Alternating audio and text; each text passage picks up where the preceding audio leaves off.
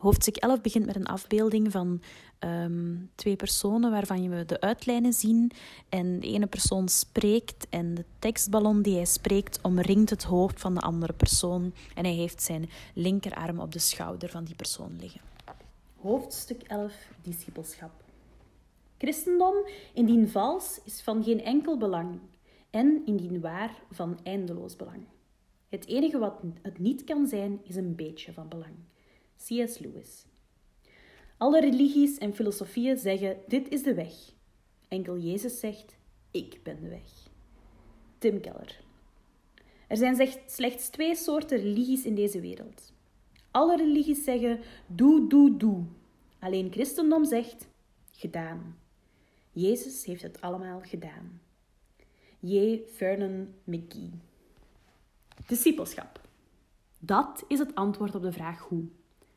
Als je de volledige vraag wilt stellen in de vorm van wie moet wat doen en hoe, dan krijg je wij moeten Gods koninkrijk uitdragen door discipelen te maken.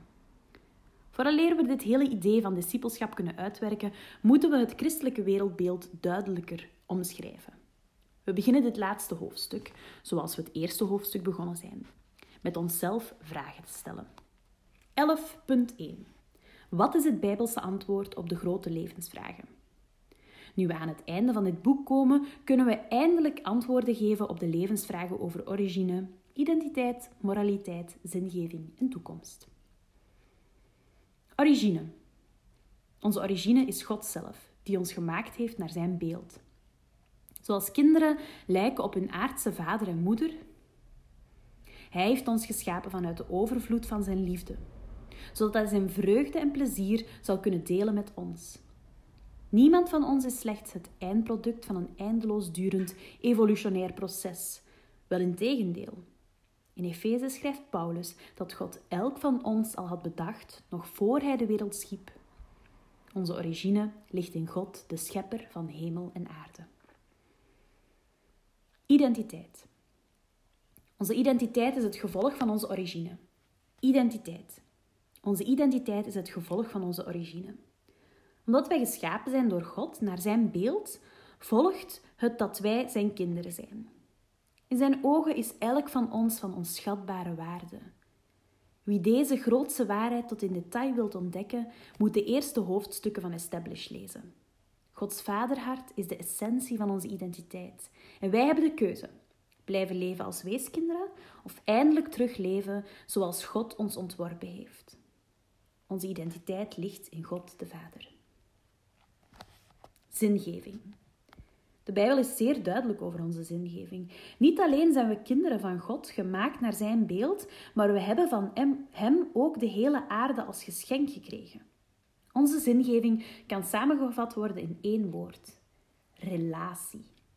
Relatie met God, met elkaar en met zijn schepping. God heeft ons aangesteld om over alles te heersen, behalve onszelf. Wij zouden regeren over Gods schepping en Hij over onze harten. Zo was het altijd al bedoeld en zo zal het in de toekomst terug zijn. Onze zingeving ligt in relatie met God op te bouwen. Moraliteit. Onze moraliteit vloeit voort uit onze zingeving. Als een mens ontworpen is om in relatie en vriendschap te leven, dan hoort zich dat te uiten op dezelfde drie niveaus: God, medemens en schepping. De essentie van moraliteit wordt daarom door Jezus samengevat als heb God lief boven alles en uw naaste als uzelf. Toekomst. Onze toekomst is de som van alle voorgaande antwoorden. Jezus heeft bij zijn eerste komst de straf van de zonde verbroken. Bij zijn tweede komst zal hij de aanwezigheid van zonde beëindigen. We zullen voor eeuwig leven als kinderen van God. Er zal nog steeds zingeving zijn omdat er nog steeds relaties zullen zijn. De toekomst die God voor ons in petto heeft, is onbevattelijk mooi en goed. 11.2 Op pagina 248, onder het puntje 11.2 Het belang van een Bijbels wereldbeeld voor discipelschap, zien we een man met een um, legerpetje op en hij heeft een bril aan, maar zijn brilglazen zijn in de vorm van het kruis. 11.2 het belang van een Bijbels wereldbeeld voor discipelschap. De reden waarom het belangrijk is om het Bijbelse wereldbeeld op deze manier te schetsen, is omdat elke christen verondersteld wordt om nu al naar dat wereldbeeld te gaan leven. Jezus vraagt van ons dat we nu al gaan leven alsof zijn koninkrijk in alle volheid gekomen is. Maar hij vraagt dat we dit zouden doen vanuit onze nieuwe identiteit als kinderen van God, niet vanuit angst. Als hij vraagt dat we vanuit onze nieuwe identiteit als kinderen van God ook anderen zouden opzoeken, zodat ze aan Gods familie kunnen toegevoegd worden? Wanneer we het hebben over discipelen maken, dan is dat waarover het gaat. Verloren mensen opnieuw leren leven als kinderen van God. Verlorenen worden gevonden, blinden gaan zien, doven gaan horen, zondaars worden heilig, wezen worden zonen. Discipelschap leidt tot de algehele transformatie van een mens. Daarom is, de is dat Bijbels wereldbeeld van vitaal belang. Wie zijn origine niet begrijpt, begrijpt niet dat hij geschapen is naar Gods beeld en dus enorm geliefd is. Wie niet begrijpt dat hij enorm geliefd is door God, begrijpt zijn identiteit als kind van God niet. Wie zijn identiteit als kind van God niet begrijpt, zal zijn zingeving missen, hetgeen tot uiting komt in gebroken en moeilijke relaties. En wie in gebroken relaties leeft, zal ook gebroken moraliteit hanteren. Gebroken moraliteit leidt tot zonde en het missen van Gods koninkrijk en de toekomst die daaraan verbonden is. Alles begint bij onze origine, hetgeen meteen ook de reden is waarom we er in het begin van dit boek zoveel aandacht aan besteed hebben. Bovendien, wanneer een christen een onzuiver christelijk wereldbeeld heeft, zal hij Jezus niet accuraat kunnen representeren naar de buitenwereld toe. Je begrijpt het al. Een bijbels wereldbeeld is fundamenteel voor alles wat met christendom te maken heeft. Op deze manier komen we tot de kern van dit laatste hoofdstuk: discipelschap. Discipelschap is dé manier om Gods koninkrijk en het bijhorende wereldbeeld door te geven.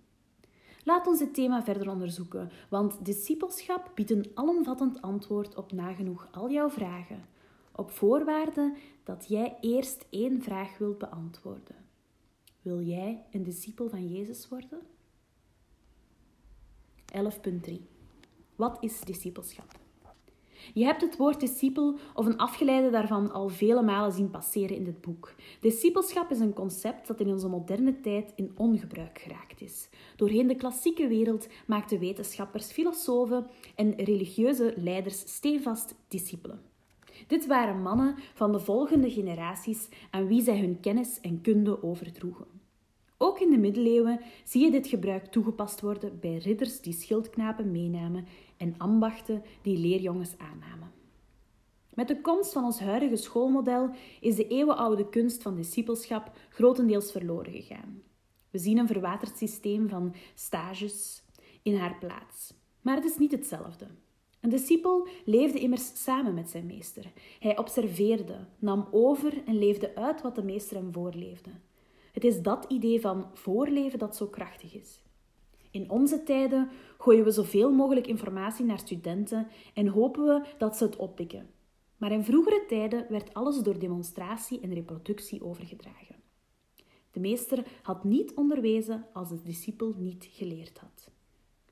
Het is dus niet verwonderlijk dat ook Jezus twaalf mannen uitkoos om van hem te leren. Zij zouden zijn disciplines overnemen, hetgeen ook de grond van het woord discipel is. Ze namen dit systeem over en gaven alles door aan de volgende generatie discipelen. Zo zie je bijvoorbeeld dat Paulus een zekere Timotheus onder zijn hoede nam. Het plafond van de ene generatie werd het platform voor de volgende. Zij konden hun voordeel doen met alle kennis, kunde en praktijk die ze overgeleverd kregen. Dat is discipelschap. 11.4 Waarom zou ik een discipel van Jezus willen worden? De vraag is niet of je een discipel bent of niet. De vraag is van wie of wat je een discipel bent. Zie je, in de basis zijn we allemaal steengoede discipelen. We nemen heel snel en makkelijk dingen over als er aan een paar randvoorwaarden voldaan wordt. Sommige van ons worden gediscipeld door videogames. Urenlange missies en het zich online meten met andere spelers kunnen uiteindelijk doorgroeien tot een volwaardige verslaving. Anderen worden gediscipeld door sport en fitness. Ze beulen zich af in fitness, zoeken nieuwe trainingen op en verzorgen hun lichaam met de hoogste ijdelheid. Dag en nacht denken ze na hoe ze hun fysieke verschijning kunnen verbeteren en aftrainen. Weer anderen worden gediscipeld door wetenschappen. Knappe koppen die ganse dagen lezen, opzoeken, onderzoeken, experimenteren, observeren en formuleren. Niet weinig, weinig mensen worden gediscipeld door geld en materiële bezittingen. Deze workaholics worden uiteindelijk opgeslorpt door hun bezit. Hun bezit draait meer, niet meer rond hen, zij draaien rond hun bezittingen. Velen worden gediscipeld door sociale media en de nood om zich te conformeren aan de publieke opinie. Met de komst van het internet zien we week na week weer mensen verzeild raken in discipelschap aan seks en pornografie. Onze jeugd vervalt in perversie en seksuele verslaving, die rampzalig is in haar uitwerking op normale relaties en omgangsvormen. Hoeveel mensen worden er gediscipeld door een bepaalde muziekstijl, door mode? Hoeveel discipelen zien we in de islam? Elk van ons is een discipel van iets of iemand. Elk van ons leert, kopieert, herhaalt en neemt over van iets of iemand anders. Op het eerste zicht lijkt hier misschien niets mis mee. Maar vele vormen van discipelschap zijn zeer schadelijk voor de mens. We zien in onze samenleving dat depressie, verslaving, burn-out en zelfmoord epidemische proporties aannemen. Het is overduidelijk dat vele vormen van discipelschap een mens leeg achterlaten. Wie een eetverslaving heeft, moet steeds meer eten om dezelfde kick te krijgen. Wie een discipel van drugs en alcohol is, moet steeds meer nuttigen om dezelfde high te ervaren. De uitkomst van dit alles is dat mensen constant harder, better, faster, stronger nodig hebben om opnieuw een rush van geluk of tevredenheid te kunnen ervaren. God heeft de geneugde van het leven geschapen om toe te voegen aan de menselijke beleving. Zodra mensen bijzaken verheffen tot hoofdstaken, slaan ze een pad in dat hen niet naar vervulling zal leiden. Enkel God kan de diepste hartverlangens van een mens vervullen. Wie buiten God om gaat zoeken, zal altijd teleurgesteld uitkomen. Wie God in het centrum plaatst, vindt zichzelf in harmonie met zijn schepper, zijn medemens en de aarde. Daarom is discipelschap essentieel. Jezus kwam ons leren hoe we moeten leven als kinderen van God. Als iedereen als een kind van God leeft, dan is Gods koninkrijk gekomen. Wanneer Gods koninkrijk gekomen is, worden alle problemen op aarde vanzelf opgelost. Discipelschap aan Jezus is niets minder dan de oplossing voor alle wereldproblemen. Wanneer elk van ons met dezelfde liefde, onzelfzuchtigheid, eerlijkheid, trouw en vreugde als Jezus zou leven, zou er geen honger, geen pijn, geen verdeeldheid, geen vervuiling, geen misdaad, geen moraliteit, geen misbruik, geen leugens, geen egoïsme, geen gebrokenheid en geen oplichterij meer zijn. Elk van ons zou opnieuw verbonden zijn met God doorheen de Heilige Geest. God zou opnieuw onder de mensen kunnen zijn, zoals hij bij Adam en Eva het geval was. Dat is de essentie en de noodzaak van discipelschap. We moeten nogmaals beseffen dat er een punt in de tijd komt waarop Jezus zal terugkomen en dat er geen andere keuze meer zal zijn. Zijn koninkrijk zal dan het enige koninkrijk zijn en iedereen zal leven naar zijn voorbeeld. Het boek Openbaringen spreekt over dingen die voorlopig nog in de toekomst liggen. Openbaringen 11, vers 15.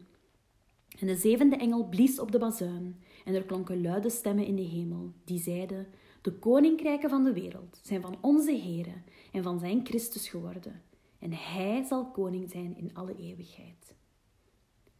De gelukzaligheid van Gods koninkrijk zal dan de enige realiteit op de aarde zijn.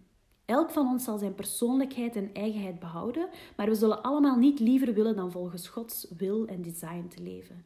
Dit brengt echter meteen de andere kant van de keuze met zich mee. Het is de keuze tussen de hemel en de hel. Beide zijn het voorwerp van enorme misverstanden. Zowel de hemel als de hel verdienen uitgebreidere aandacht dan we hier kunnen geven, maar in de basis is het verschil zo duidelijk als zwart en wit. De hemel is die plaats waar Gods aanwezigheid is. De hel is de plaats waar Gods aanwezigheid niet is. Dit lijkt misschien een te simpele voorstelling, maar ze is accuraat genoeg om te begrijpen wat de gevolgen zijn. Als, de God, als God de bron van al het leven is, dan is de hemel vol leven en de hel vol dood. Als God de bron is van alle vreugde, dan is de hemel vol vreugde en de hel vol verdriet. De hemel loopt over van vrede, blijdschap, energie en alle andere eigenschappen die God in zichzelf bezit. De hel is de afwezigheid van al die dingen. Het is de complete antithese van alles wat de menselijke ziel nodig heeft. Pijn, lijden, miserie, angst en vele andere horrors. Het christendom heeft in dat opzicht ook de meest eerlijke benadering van het hiernamaals. Aan het einde van de dag zijn er slechts twee mensen die de prijs voor jouw zonde kunnen betalen: jij of Jezus. Wie Jezus afwijst in het leven, krijgt hem ook niet in het hiernamaals. Wie Jezus aanneemt als redder en koning, die krijgt de volheid van wat Jezus te geven heeft wanneer hij terugkomt. Maar wat ik hier niet zou durven voorstellen, is dat je Jezus in je leven aanneemt voor wat hij voor jou kan betekenen. Niemand kan in dat opzicht een deal sluiten met God. Wie met Jezus vriendschap gaat opbouwen, moet dat doen om wie hij is, niet om wat hij voor jou kan betekenen. Als iemand jou uit een ravijn optrekt en zo je leven redt, ga je toch niet meteen daarna terug in datzelfde ravijn springen. Jezus heeft jou gered van de dood. Het minste wat hij van ons verdient is de vriendschap en de relatie die hij met elk van ons wil uitbouwen. Het minste wat hij verdient is dat we van hem zouden leren hoe we moeten leven en hoe we, net als hij, een zegen kunnen zijn voor onze medemensen. Dat is discipelschap. Zelf zei hij het volgende. Johannes 3, vers 36. Wie in de Zoon gelooft, heeft eeuwig leven. Maar wie de Zoon ongehoorzaam is, zal het leven niet zien. Maar de toorn van God blijft op hem. Er komt een tijd dat God al het kwaad in quarantaine, de hel, zal zetten. Iedereen die kiest voor zonde en dood zal zijn plaats daar vinden. Iedereen die in Jezus gelooft, heeft eeuwig leven. Hoe hard dit voor onze werelds, westerse, pluralistische, relativistische samenleving ook klinkt, er is letterlijk maar één weg naar God. En dat is Jezus.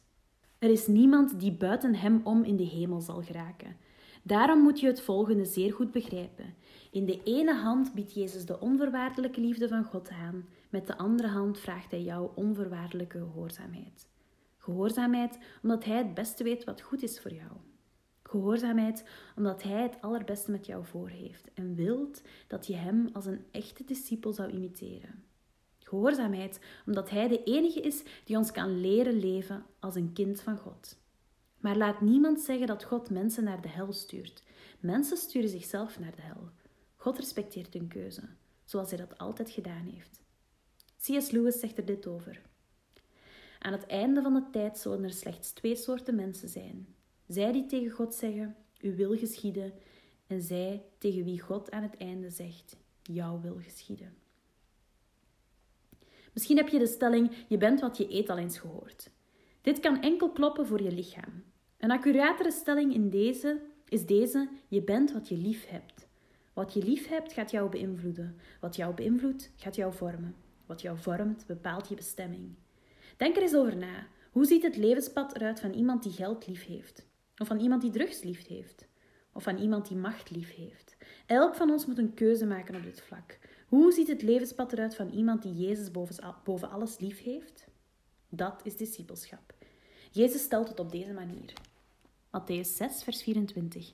Niemand kan twee heren dienen, want of hij zal de een haten en de ander lieve, lief hebben, of hij zal zich aan de een hechten en de ander minachten. Je kan geen twee meesters dienen. Het is Jezus of het is iets of iemand anders. Je moet kiezen van wie of wat je een discipel gaat worden maar weet dat je gevormd zult worden door datgene of diegene die jou discipelt en dat je uiteindelijke bestemming erdoor bepaald zal worden. Jezus laat er geen twijfel over bestaan wat onze uiteindelijke bestemming is als we Hem volgen. Hij laat er ook geen twijfel over bestaan wat onze bestemming is als we Hem niet volgen. 11.5 Wat zijn de gevolgen voor mijn leven? Kiezen is verliezen. Een keuze voor discipelschap aan Jezus vormt geen uitzondering. Wie voor het ene kiest, kiest tegelijkertijd ook tegen het andere. Wie voor Jezus kiest, kiest tegen zonde. Sta me toe om die keuze te illustreren met een verhaal. Uit een adellijke en roemrijke familie waren enkel een vader en een zoon overgebleven. Ondanks zijn bevoorrechte positie besloot de zoon om in het leger te gaan. Hij doorliep zijn training en werd naar het front gestuurd. Toen een compagnie in een hinderlaag viel, werden hij en zijn strijdmakkers van alle kanten onder vuur genomen. Na dapper verweer werd de vijand teruggedrongen en begon hij zijn gewonde vrienden in veiligheid te brengen. Toen hij zijn beste vriend in veiligheid gebracht had, werd hij alsnog zelf getroffen en liet hij het leven.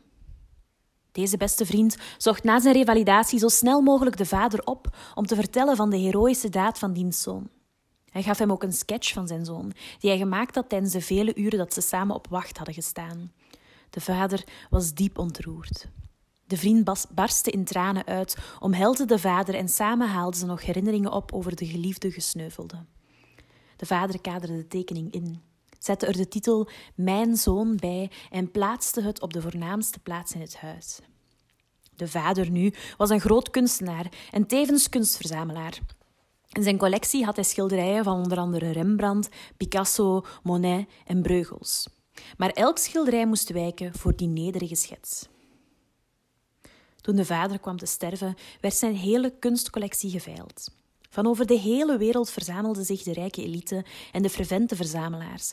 De veilinghal zat afgeladen vol en de sfeer stond erg gespannen. Iedereen kwam hier voor de absolute kunststukken van de grootmeesters.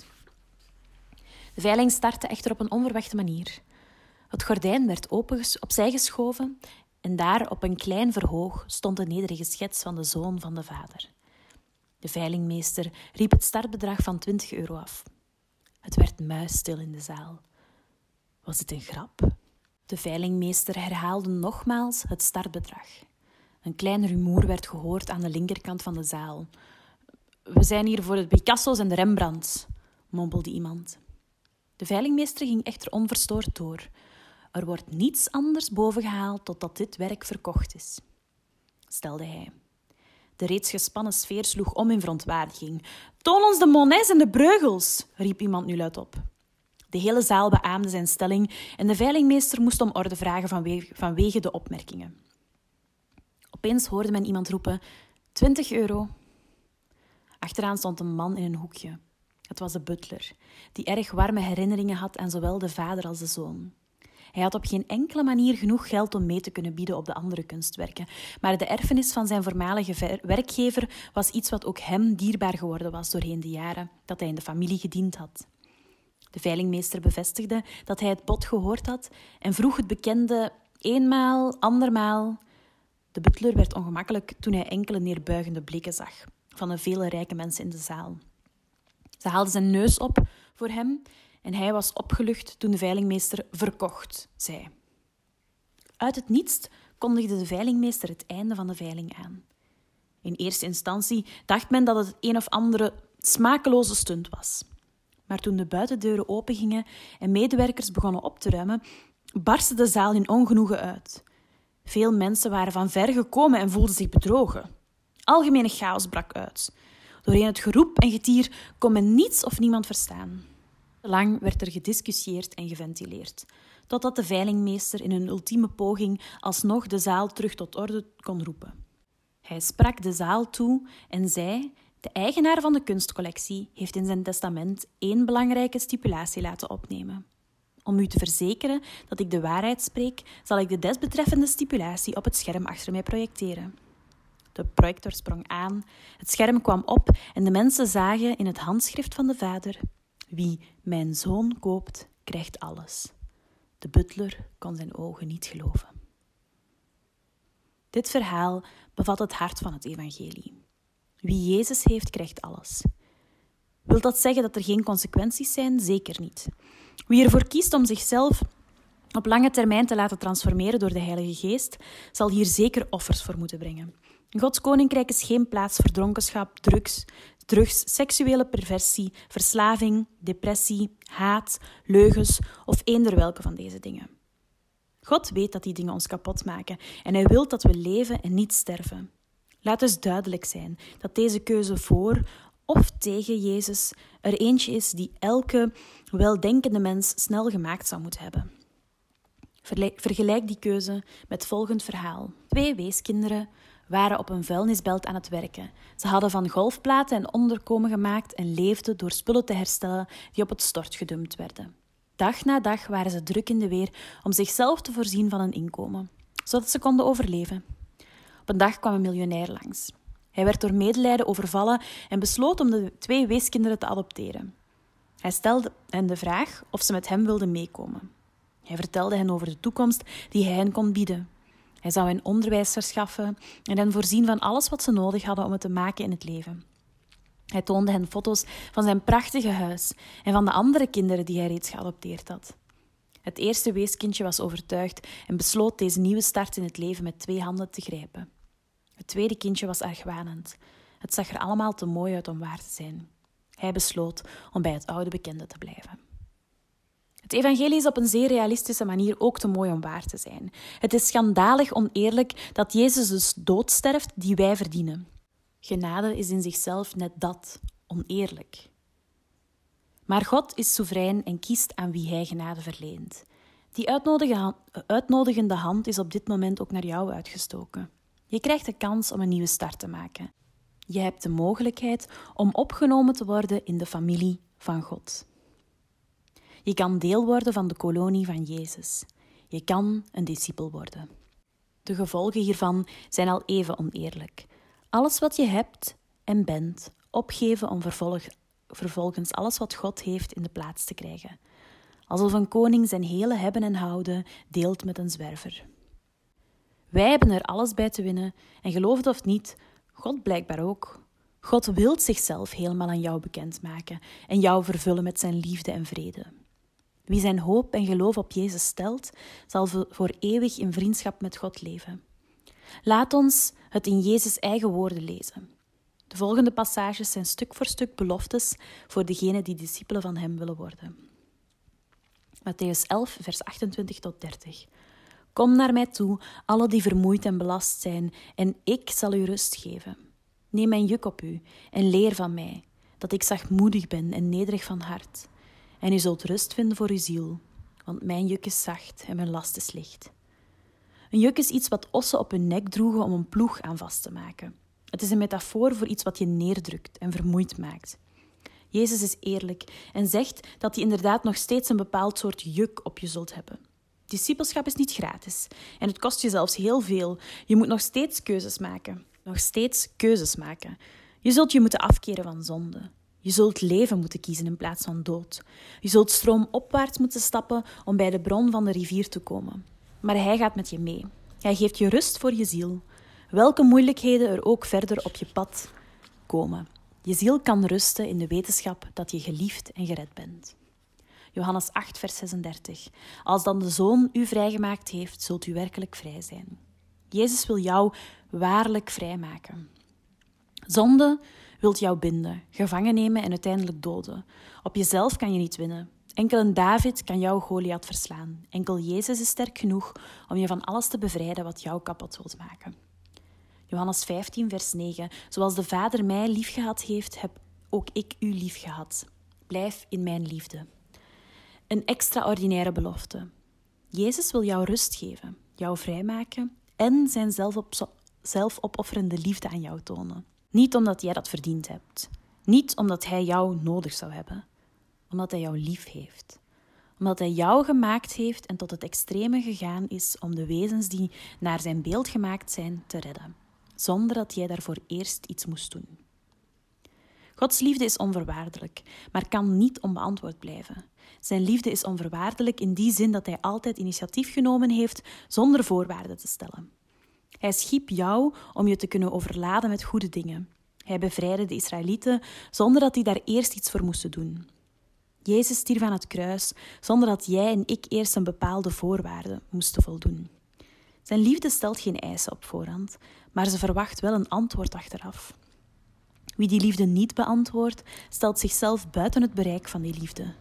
Simpeler gesteld, de enige die zich buiten het bereik van Gods liefde kan stellen, ben jijzelf. En dat is exact het concept van hemel en hel.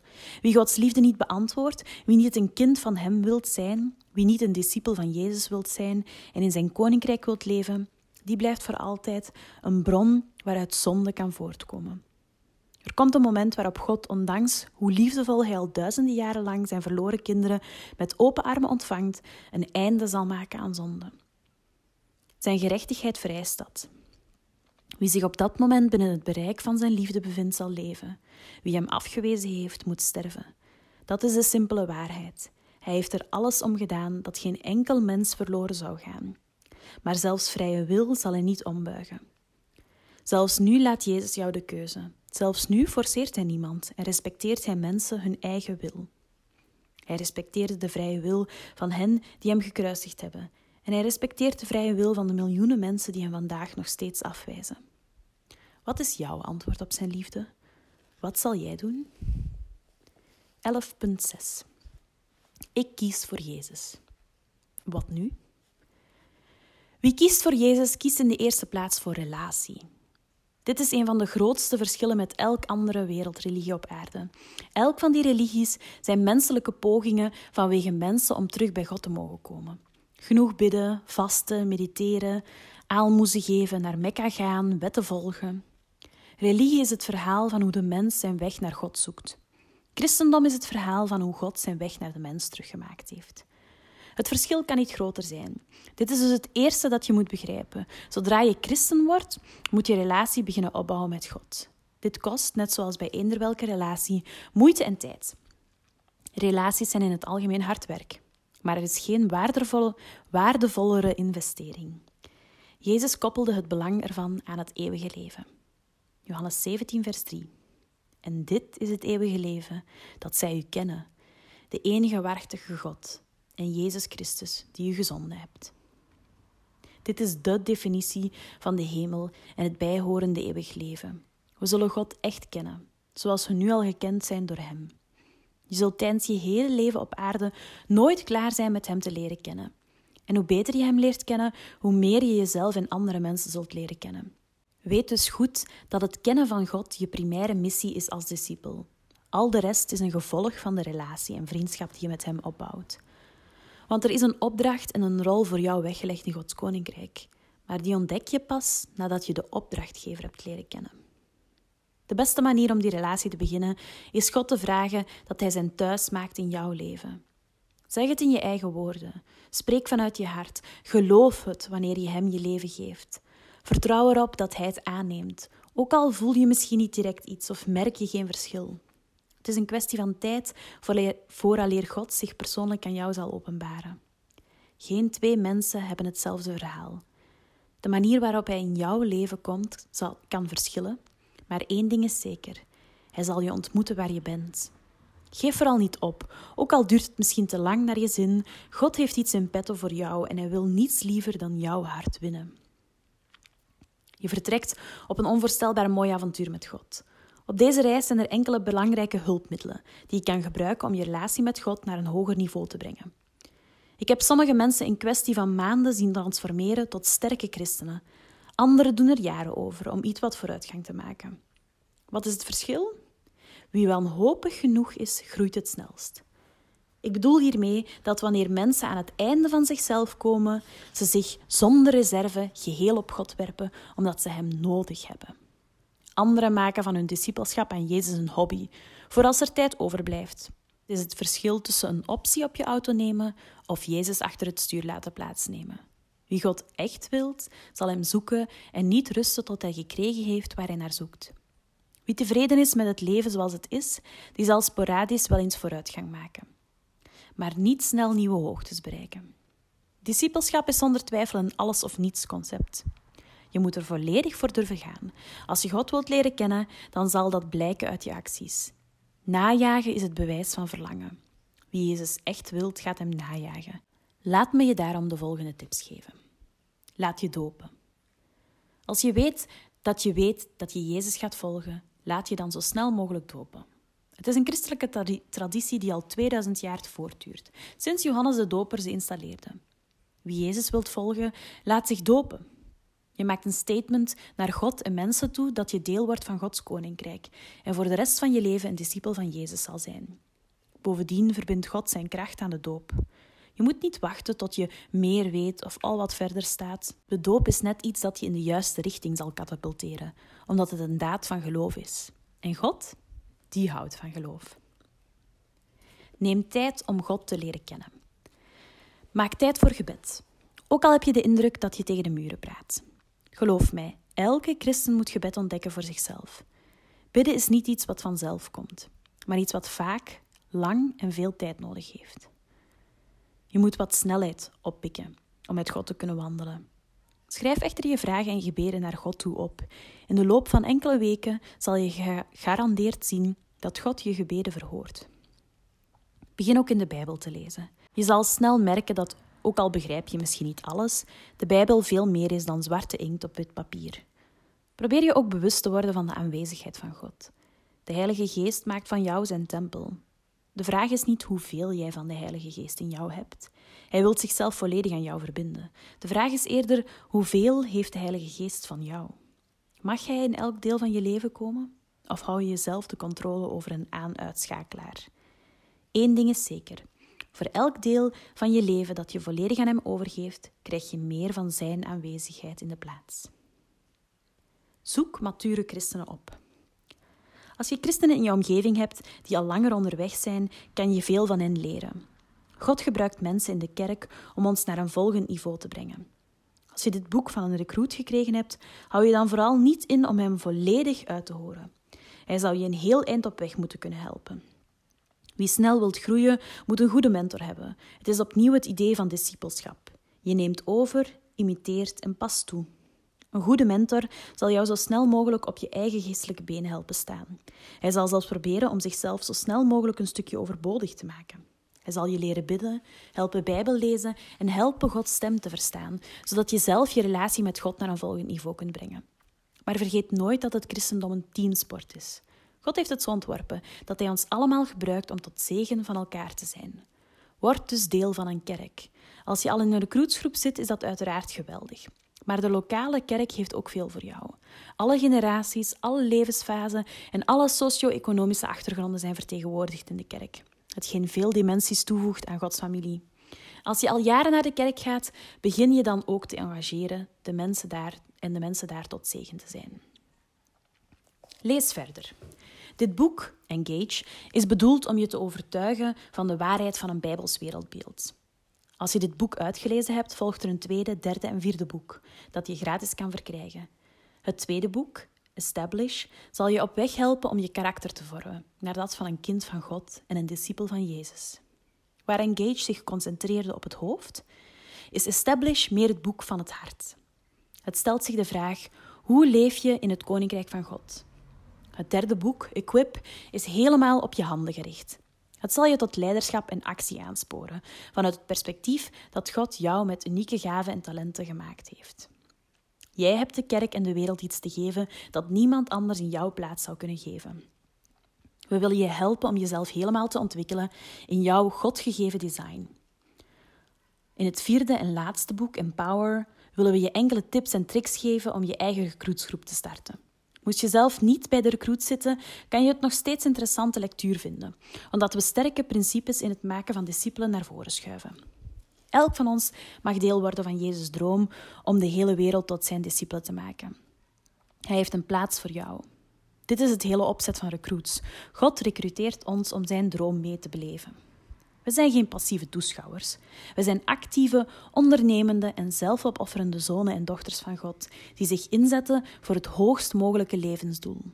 Lees dus Establish, Equip en Empower om een overzicht te krijgen van het volledige bereik van discipelschap. Je zult zien dat er zoveel meer is. Ten slotte raden we sterk aan om ook andere boeken te gaan lezen. Er bestaat fantastische literatuur die je veel inzichten over God zullen geven. Vraag aan de christenen in je omgeving welke boeken hun enorm hebben aangesproken. Kijk en luister naar de juiste voorbeelden.